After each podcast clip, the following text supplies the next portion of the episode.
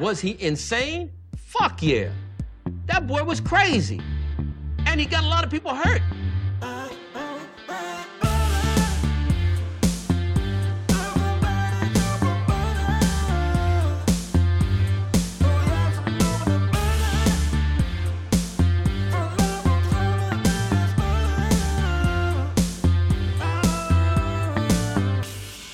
Like butter. I fucking love butter.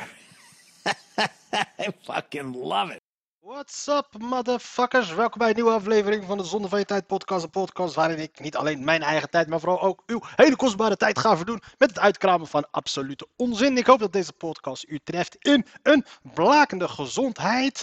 Eh, aflevering 148 alweer, zoals ik al zei, motherfuckers. We gaan dit jaar naar de 200 podcasts en ik loop een paar dagen achter, omdat ik een paar dagen veel te hard liep te chillen. Maar dat maakt vandaag niet uit. We hebben vandaag gaan we gewoon weer verder over onze goede vriend Donald Trump. Zoals we allemaal weten, Donald Trump verkeert op dit moment in gigantisch, gigantisch, gigantisch zwaar weer af. Valt het wel een klein beetje mee. De midtermverkiezingen zijn geweest en eh, het is een gigantische keerpunt, blijkt het nu opeens te zijn in de Amerikaanse politiek op dit moment. Waar, de, waar eh, normaliter eh, de, de, de, de, de, de oppositiepartij, als het ware de partij die niet de president levert, wint altijd bij deze verkiezingen. En nou hebben ze, de, Democraten, de Republikeinen hebben wel een klein beetje gewonnen, maar ze hebben niet gewonnen gewonnen zoals ze dachten dat ze zouden gaan winnen.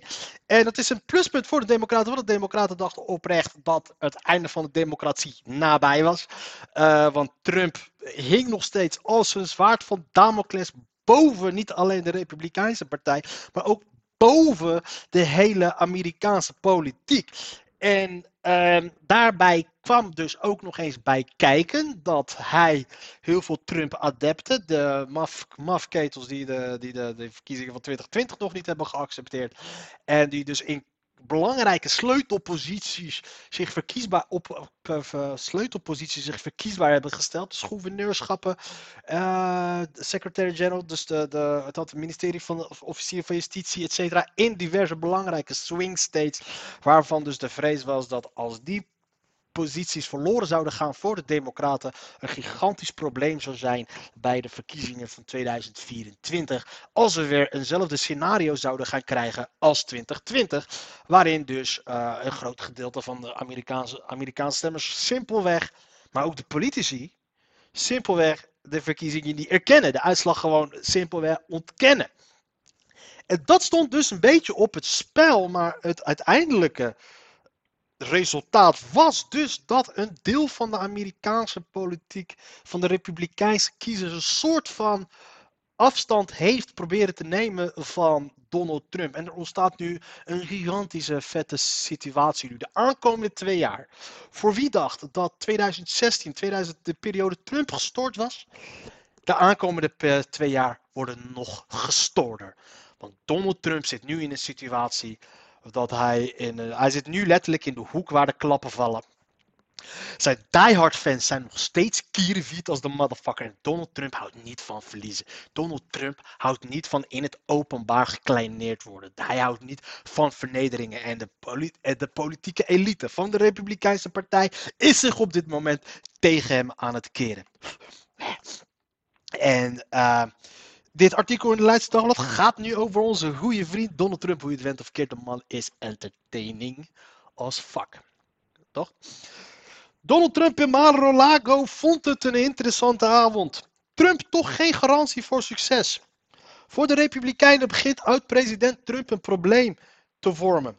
Democraten presteren boven verwachting. In afwachting van de laatste uitslagen van de Amerikaanse congresverkiezingen en daarmee van de politieke krachtsverhoudingen in Washington voor de komende twee jaar is één ding al duidelijk. De, de Republikeinse Partij staat voor een lastige keuze. Ja, het staat, staat voor letterlijk een burgeroorlog. Althans een, een burgeroorlog binnen, de, de, binnen de, de Republikeinse Partij. Aan de ene kant de Trump-stemmers, aan de andere kant de DeSantis-stemmers. Want het probleem is dus nu Mensen die houden van Trump houden ook van DeSantis. Maar dat gaat nu niet meer samen. Je kan nu niet meer voor Trump zijn en voor DeSantis. Want het wordt één van de twee. De elite, de, de establishment, is zich al aan het scharen achter de centers. Want die hebben altijd al een hekel gehad uh, aan, uh, aan Trump. Die hebben hem nooit gemogen. Die hebben zich de afgelopen jaar gedragen als een schoothondje van Donald Trump. Maar ze hebben hem altijd gehaat. Tot diep in hun ziel. Want waarom? Ze hadden totaal, maar totaal geen controle over hem. En hij heeft ze gekleineerd. Wat hij heeft gedaan met Jeb Bush, met Ted Cruz, met Marco Rubio, met Lindsey Graham, met, met, met al die mensen, wat hij met hun heeft gedaan. Met, met, met Chris Christie. Allemaal topnamen uit de Republikein. Allemaal de, de, de, Republikeinse elite was dat. Hij heeft ze tot aan het bot gekleineerd. Hij heeft zelfs een voetveeg gebruikt. En ze, hebben, en ze, hebben, en ze, ze, ze, ze likten aan zijn voeten. Ze likten aan zijn tenen. Ze, hij had vooral Ted Cruz. Wat hij met Ted Cruz heeft gedaan is, is, is abnormaal. Hij heeft hem in de voorverkiezingen, lying, lying Ted Cruz, hij heeft gewoon zijn vader van beschuldigd betrokken te zijn bij het vermoorden van John F. Kennedy. En hij heeft zijn vrouw letterlijk lelijk genoemd. En Ted Cruz, die stond, was de enige, de laatste persoon die echt tegen hem opstond. Maar toen puntje bij paaltje kwam, als Ted Cruz stond hij daar op zijn knieën te smeken voor de gratie van Donald Trump. Dat is het enige mooie wat Donald Trump. Een van de mooiere dingen die Donald Trump heeft gedaan, is het kleineren van de Republikeinse partij. Hij heeft gewoon aangetoond wat voor bitches het letterlijk waren.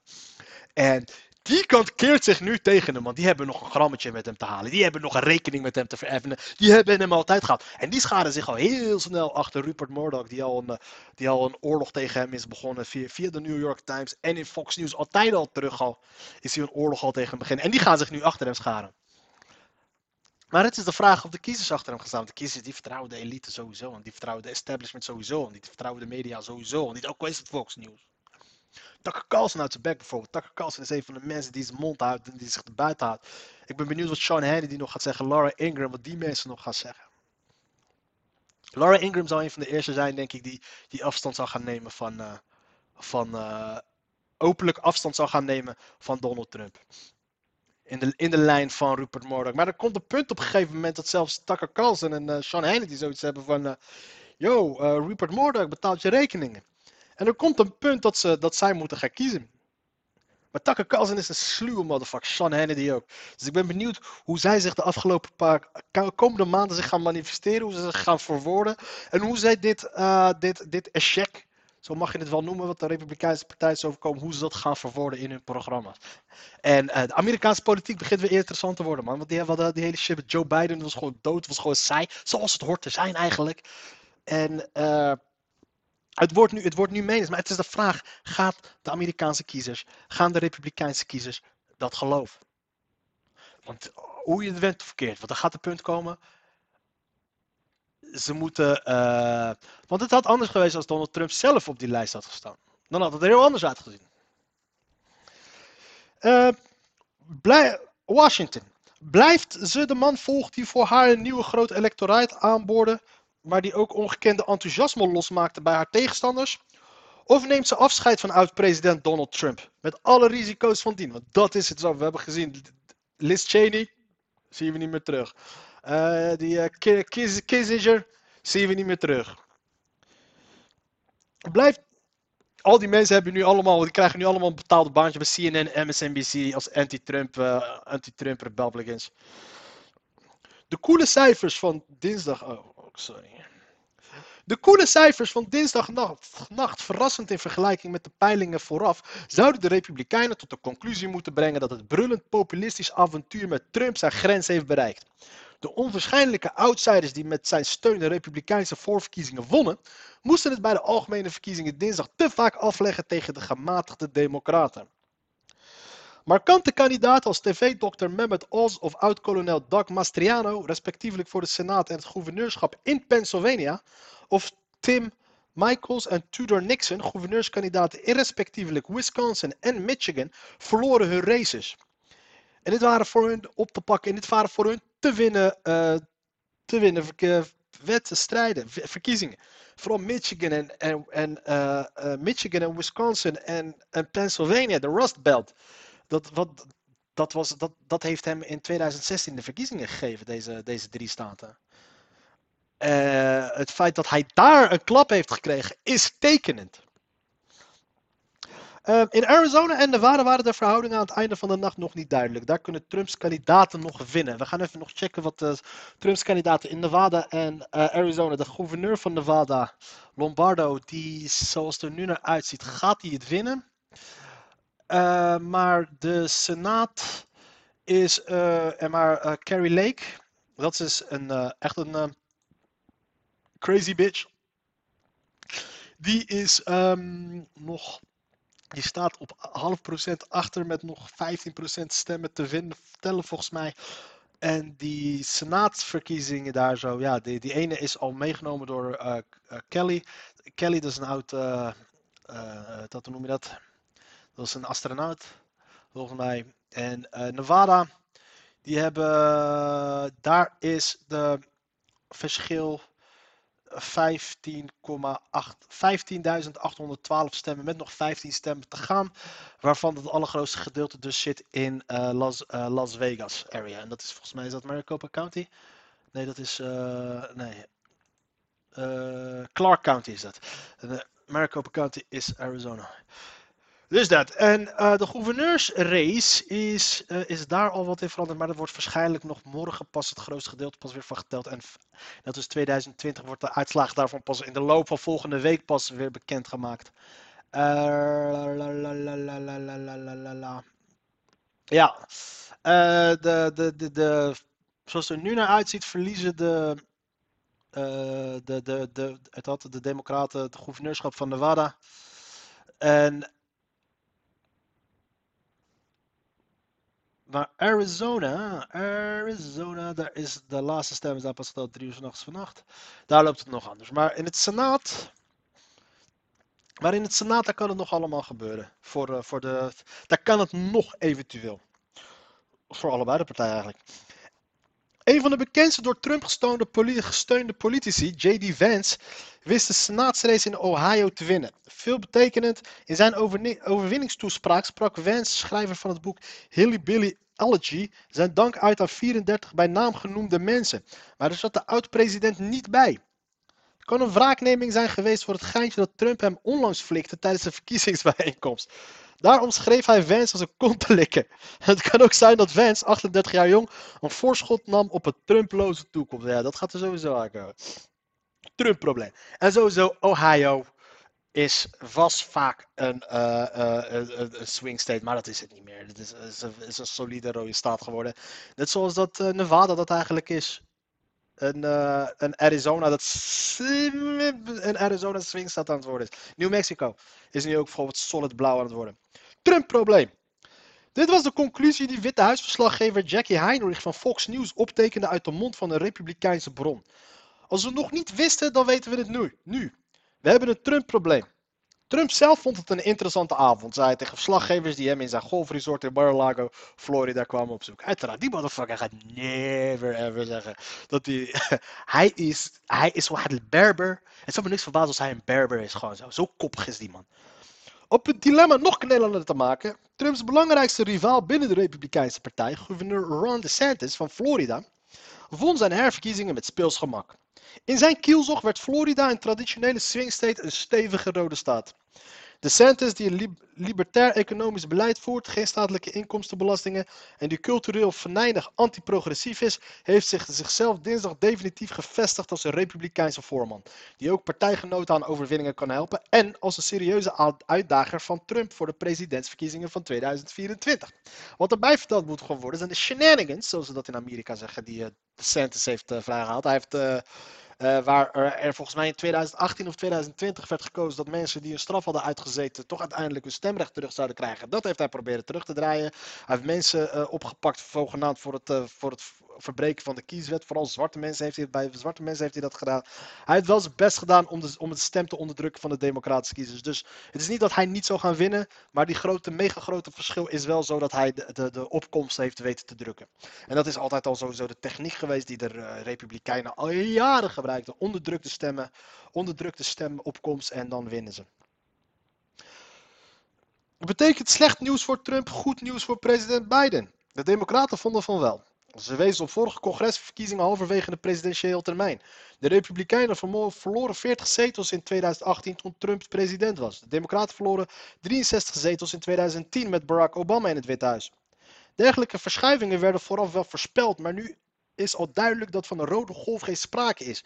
Democraten presteren boven verwachting, zei Nancy Pelosi, de democratische voorzitter van het Huis van Afgevaardigden dinsdagnacht. Niet voor lang meer, dus ze zit voor, de laatste twee maanden. Wat de democraten moeten doen is, is eh, wat er opgevallen is, in hele diep rode staten hebben, is het het verhogen van de minimumloon heeft al gewonnen. Als we bijvoorbeeld gaan kijken naar eh, ballot measures. Het verhogen van de minimumloon naar 15 dollar per uur heeft in, ehm, in diep, diep, diep rode staten als ehm, Kentucky. Even kijken hoor. Eh.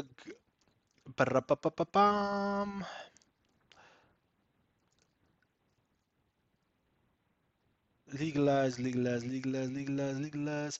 Increase, incre- increase Nebraska minimum wage to $15 per hour. 58 58,7 procent. En dat is een, een diep rode staat, Nebraska. Eh, is een diep rode staat, Nebraska. Eh, even kijken hoor. De Nevada verhoogd tot 12 uur, 54 procent. Eh, en maar in Kentucky voor 2020 was het ook allemaal met 60% verhoogd. In, in, dat, in Alabama was het ook allemaal verhoogd met 60% als ik het goed heb. Dat zijn de dingen waar de democraten op moeten gaan spelen. Het verhogen van de minimumloon. Ze moeten economische dingetjes er- eruit gaan rollen. Maar zij willen ook niet. De, de, de democratische establishment heeft ook geen trek in het verhogen van al die shit. Want op bottom line is er niet echt een heel groot verschil tussen die beide partijen.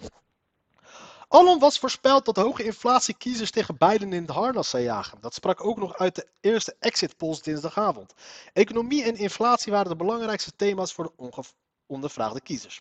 Abortus, een kwestie die op het agenda kwam nadat een conservatieve meerderheid in het Hoge Rechtshof de landelijke bescherming daarvan dit voorjaar ophief, werd volgens de pijlers veel minder belangrijk gevonden. Maar in een paar cruciale staten lijkt de bescherming van het recht op abortus te kiezen voor het doorslag te hebben gegeven. In Pennsylvania, een staat die Biden twee jaar geleden ten nauwernood won, behaalden de Democraten een dubbele overwinning. John Fetterman veroverde de Senaatzetel op de Republikeinen en Josh Shapiro het gouverneurschap. In sommige staten waren referenda ge- georganiseerd over abortus. Zo besloten de kiezers in Californië, Michigan en Vermont dat het recht van vrouwen om te kiezen voor een zwangerschapsonderbreking in de statelijke, in de statelijke grondwet moet worden verankerd. In de conservatieve staten Kentucky en Montana werden voorstellen om een verbod op abortus in de grondwet vast te leggen afgewezen. Eerder, ge- zie je, dit zijn ook vrij linkse, linkse punten waar, waar ze op hebben gewonnen. Eerder gebeurde dit al bij een referendum in de staat Kansas. Het lijkt te bevestigen wat peilingen eerder dit jaar lieten zien, dat de uitspraak van de conservatieve meerderheid in het Hoge Rechtshof niet strookt met wat de meerderheid van de Amerikanen vindt. Toch is het te vroeg voor de Democraten om te juichen. Ze kunnen na de laatste tellingen nog altijd zoveel hun meerderheid in het huis als hun gunstige, positie in het Senaat te verliezen. Dat is, eh, dat is nog steeds reëel. Het huis zijn ze kwijt, ongeacht, maar ze moeten zien te kijken hoeveel ze kwijtraken. De kans dat de Republikeinen het huis veroveren is reëel. Zij met een onmatig, onmachtig kleine meerderheid.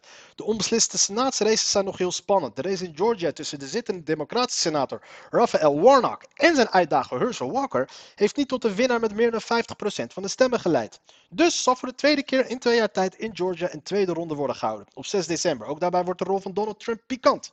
Politieke analisten suggereerden op tv dat Walker het verrassend goed had gedaan, omdat de Republikeinse partij erin is geslaagd Trump buiten Georgia te houden. Maar geloof mij, en nu is het de vraag: zal Trump buiten, buiten Georgia willen blijven? Want nu, vooral nu hij eh, overal door alles en iedereen wordt aangevallen door de eh, politieke elite. Als in dat hij, eh, dat hij het probleem is en niet de, niet de verlosser, ben ik benieuwd in hoeverre hij zich daaraan gaat willen houden. Want het zou mij niks verbazen als die motherfucker zoiets heeft van fuck it. Jullie, oh, jullie zeggen tegen mij dat ik het niet kan. Dat hij nu gewoon expres daar naartoe gaat om, om een soort van te bewijzen dat hij toch nog in zich heeft. En, en, en die hele fucking shit eh, toch nog een chaos weet te veroorzaken. En dit is de komende maand. Dus de komende maand wordt best wel spannend. Zal hij zich weten in te houden? Zal hij uit de buurt van, van, van Georgia weten te blijven? Want kijk ja, eh, die, die, die Herschel Walker is een idioot. Dus ik ben benieuwd in hoeverre hij het enigszins voor elkaar krijgt om.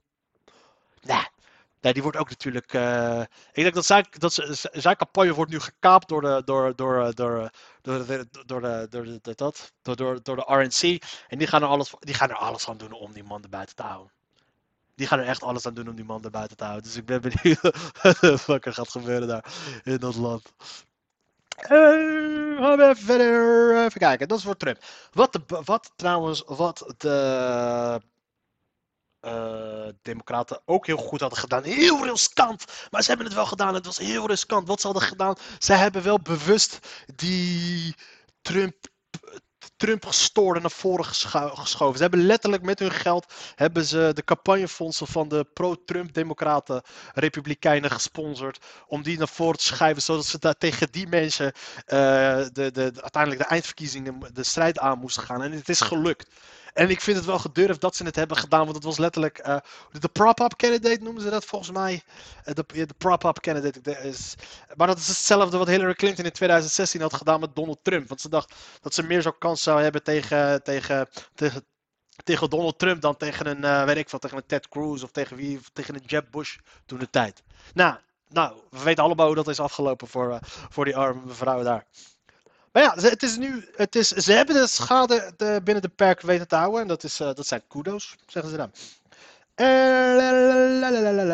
Dat, was, nou, dat was onze goede vriend Donald Trump. Man aangehouden na gooien van eieren naar koning Charles. Nou, dat is een goed begin voor je koningschapskoning Charles. Ik heb de beelden gezien. Hij bleef er vrij cool onder. Hij zat er een beetje naar te kijken. Die Camilla zat ook zo te kijken van, oké, wat hebben ze die motherfucker gedaan?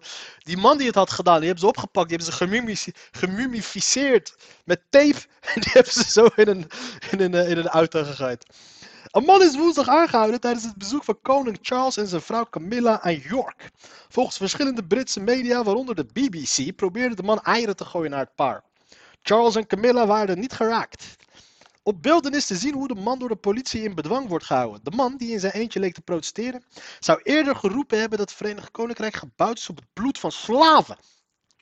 En daar heeft hij wel een eh, goed punt. De actie van de demonstrant kon de afkeur rekenen van het aanwezige publiek. Schaam je! En God save the Queen werd er naar hem geroepen. Charles is in New York vanwege de onthulling van een standbeeld van wijle koningin Elizabeth. Het bezoek van Charles is onderdeel van het tweedaagse bezoek aan het graafschap York. Oké. Jette hoopt gat in vliegtax voor privéjet te dichten. Oké. Klimaatminister Rob Jette hoopt in de toekomst een oplossing te vinden voor de uitzondering van transferpassagiers en privéjets op de vliegbelasting. Dat zegt hij na kritiek in op de gaten in de vliegbelasting uit de Tweede Kamer. Zie je hoe geweldig dat is? Ja, ik hoop daar in de toekomst wel wat voor te vinden. Dus, maar nu is het laat me nu met rust. Maar in de toekomst hoop ik daar wat op te vinden. Dat is de allerbeste shit die er maar bestaat die je kan zeggen. Politici zijn gewoon ge- simpel. Er gaat iets fout, er is iets niet goed. En wat zij dan zeggen, ja, ik hoop er in de toekomst wat aan te kunnen doen. En dan klinkt het, als je het dan zo opschrijft, als je zo leest, als vlugge lezer, of dat iemand die totaal er niet mee bezig is, denk je, oké, ze zijn er mee bezig. Maar dit, is, dit zijn dus een van de dingen waardoor niemand meer de politiek ge- gelooft of vertrouwt. SP-Kamerlid Mahir Alkaya uitte zijn onvrede over de uitzondering voor transferpassagiers uit het buitenland. Reizigers die overstappen op een andere vlucht op Schiphol hoeven geen vliegbelasting te betalen. Het CDA wil dat diezelfde uitzondering geldt voor reizigers die met de trein uit het buitenland naar het vliegveld reizen. Omzicht pleit ervoor ook om zakenjets onder de vliegtekst te laten vallen. Voor komende jaar kan het kabinet de vliegtax niet aanpassen, liet Jette doorschemeren tijdens het debat over de belastingplannen. Maar hij is door de partijen wel aan het denken gezet. We zoeken naar vormen om vliegen beter te beprijzen. Ja, ze hebben hem aan het denken gezet en hij is het morgen alweer vergeten. Ik haat het D66. Alsjeblieft, die fucking kutpartij wordt, moet echt opgedoekt worden. Echt mensen die op de D66 stemmen. Ah. Milieudefensie. Klimaatschade van Ahold is 119 miljoen euro. Wat de fuck hebben ze gedaan Ahold Delhaize veroorzaakt volgens Milieudefensie 190 miljoen euro aan klimaatschade tot 2050. En de verkoop van vlees en zuivel richt zich daarbij de meeste schade aan. Onderzoeksbureau Profundo heeft dat berekend de opdracht van de Milieuorganisatie. Nou, veel succes om iets gedaan te krijgen tegen Ahold. Dat gaat er never ever ooit gebeuren. Eh, aan de andere kant werd de dochter... Don't be a fossil fool. Hey Ahold. Supermarktconcern Ahold Delhaize heeft in de eerste negen maanden van het jaar meer winst gemaakt op een hogere omzet.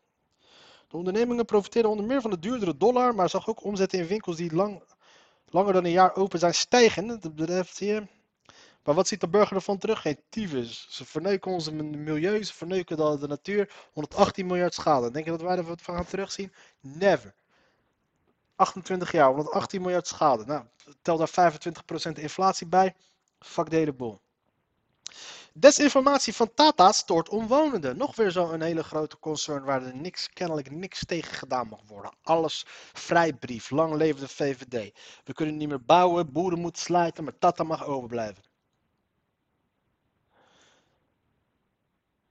Eh, goede gezondheid burger hoort ook bij Groenstaal. Bescherming van de gezondheid van de omwonenden maakt deel uit van de afspraken die het kabinet maakte met Tata Steel over belangrijke klimaatdoelen. Dat zei minister Mickey Adriaanse van Economische Zaken woensdag tijdens het commissiedebat in de Tweede Kamer. Ah, fijn. Oké. Oog in oog met je aanvaller.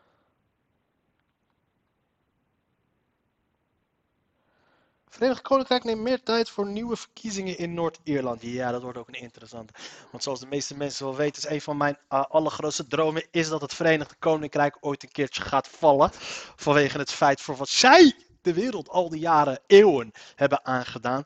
Dat is ook waarschijnlijk ook een van de redenen dat die gozer een ei heeft gegooid naar Prins Charles. Want de Britse Koninkrijk, het Verenigd Groot-Brittannië, is een van de grootste misdadige staten aller tijden. En mijn droom is dus tot op de dag van vandaag nog steeds dat die uit elkaar valt. En het, begint bij uh, Schotland en het begint bij Noord-Ierland. Long live the Republic. Het is natuurlijk te idioot voor woorden dat er zoiets bestaat als een Noord-Ierland. Dat is gewoon Ierland, het is gewoon één eiland. Een dikke shout-out naar Ierland. Ik heb daar een geweldige tijd gehad. De politieke crisis lijkt pas te kunnen worden beëindigd als er een nieuw akkoord is met de Europese Unie over de status van Noord-Ierland. De verantwoordelijke Britse minister Chris Heaton Harris heeft de deadline voor het uitschrijven van nieuwe verkiezingen verschoven met zes weken, met een optie van nog eens zes weken. Daardoor ligt de uiterlijke datum om een nieuwe regering te vormen op 19 januari. Dan gaat de pas de periode van 12 weken in en waarin de nieuwe verkiezingen daadwerkelijk moeten worden gehouden.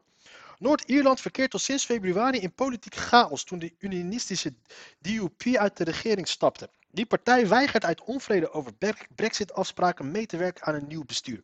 Ook na de verkiezingen van afgelopen mei. Het pro-Ierse Sinn Féin werd toen voor het eerst de grootste, maar heeft DUP nodig voor een coalitie.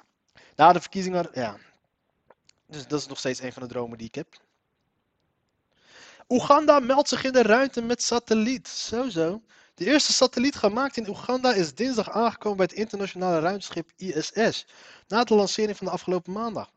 De door vertraging geplaagde Afrikaanse missie liep bij aankomst bij de ISS extra pech op bleek dat een van de zonnepanelen van het ruimtevaartschip niet wil uitklappen en minder energie heeft. Dikke shout-out naar Oeganda. Jullie hebben gewoon jullie fucking eigen, eigen satelliet. Van het afhakken van handen, van, van, van het voeren van mensen aan krokodillen tot het hebben van je eigen satelliet. Dikke shout-out voor die motherfuckers. Klimaatactiviste Klimo Brandenburger Tor in Berlijn. Ze zijn wel fanatiek de laatste tijd. Het fucked up is daaraan, is als ze daar komen, het is moeilijk om daar gepakt te worden. Omdat mensen moeten zelf ook weer helemaal naar boven gaan om je daar te pakken. Maar als je uh, uh, daar bent, dan kunnen ze je echt zo motherfucker weer naar beneden duwen. Nieuwe malaria vaccin door, door het LUMC getest op mensen. Hoekstra waarschuwt op Kristalnacht herdenking voor desinformatie. Antisemitisme is verre van weg in Nederland. Nederland moet zich veel meer verzetten tegen mensen die flirten met complottheorieën. Waarin Joden worden zwart gemaakt. Dat zegt CDA-leider en minister Wopke Hoekstra. Ik heb twee jaar geleden al gezegd, motherfuckers. Toen die hele coronapandemie uit was gebruikt, had ik al gezegd. Nederland is veel antisemitischer dan men denkt. Iedereen probeert ons de schuld te geven altijd voor antisemitisme. Maar het is. Uh, Nederlanders hebben die shit uitgevonden, motherfuckers. Voor iedereen. Wij waren niet degene die Anne Frank hebben verraden. Dat lijkt, dat is één ding wat mensen heel erg lijkt vergeten lijken te zijn. Dat wij niet degene waren die Anne Frank hebben verraden. Anne Frank is niet verraden door mijn overgroot opa Ahmed uit Amsterdam West. Nee, ze is verraden door één van jullie grootouders, motherfuckers. En nu komen die complottheorieën weer naar boven. En dan zit. Hé, hey, hoe het went of verkeerd. Er is wel altijd heel kritiek dat op alles. Uh, bijvoorbeeld dat hele idiote verhaal van Thierry Baudet over hagedissen en dat soort shit. Dat zou dan weer antisemitisch zijn. Dat is absoluut niet waar. Je moet niet overal antisemitisme op gaan plakken, want dan verliest het zijn waarde op een gegeven moment. Ehm, bijna alles weten we op haar liefdesleven na. Maria van Nessa als vrouw in de code 500 van de Gouden Eeuw. Dat was wel bakken. Eh 70 miljoen overbodige euromunten gaan naar Kroatië. Hoe, hoe de fuck kom je aan 70 miljoen? Er, er bestaan geen overbodige euromunten. Facebook schrapt 11.000 banen. Dat is goed nieuws. Dat betekent de dood van social media. Ik hoop dat dat, het, eh, dat, dat de extra reden daarvan is. Eh, wij tillen elkaar op. Casa Kokko brengt Gerard Cox en Jook, Joke Bruis opnieuw samen. Herkenning en totaalbeleving. René Mioch, leef je nog, motherfucker? Bijna Griekse tragedie. Nieuws gezien met Judas. Eh, wat hebben we nog meer, man? Geld voor kunstenaars is op. Mini AZC voor jongeren laat wijk onberoerd. Eerst lezen, dan de les. Regenboogbankjes en Alf. na dag, na plaatsen al bekend. Wat zijn regenboogbankjes? Zijn dat plekken waar homo's op elkaar mogen neuken of zo? De Stinksteeg. Nieuwe werklust. Nou, legendes uit jazz, blues en popmuziek. Ajax snakt naar de pauze. Motherfuckers hebben weer verloren. Zege voor Eredivisie dat Feyenoord meedoet. Feyenoord kan vandaag eh, tweede worden. Als ze vandaag worden. AZ kan geschorst Dani de Wit zaterdag opstellen tegen PSV. Dat wordt een mooie pot. Race tegen de klok met bouw is typisch India. Lichtvoetige kunstenaar. Reconstructie van legendarisch doelpunt van Dennis Bergkamp. Dennis Bergkamp. Dennis Bergkamp. Dennis Bergkamp. Dennis Bergkamp. Ik kan bij die doelpunt nog heel goed herinneren. We zaten in de boot. Kluivert had toen al de 1-1 gemaakt. En eh, we stapten uit de douane in Tanger. Ging gelijk zitten. We hadden de wedstrijd kijken. We gaan zitten. En, eh, en hij pompt die bal erin. Yes, afijn dames en heren. Eh, voor iedereen die nu nog, dit was alweer een aflevering van de Zonder van je Tijd podcast. Voor iedereen die nog steeds aan het luisteren is, ik wil je heel erg bedanken voor het feit dat je nog aan het luisteren bent. Maar ik, zou je, ik moet je toch echt adviseren om wat beters te gaan doen met je leven. Want dit is en blijft namelijk wel gewoon nog steeds zonde van je tijd. De podcast.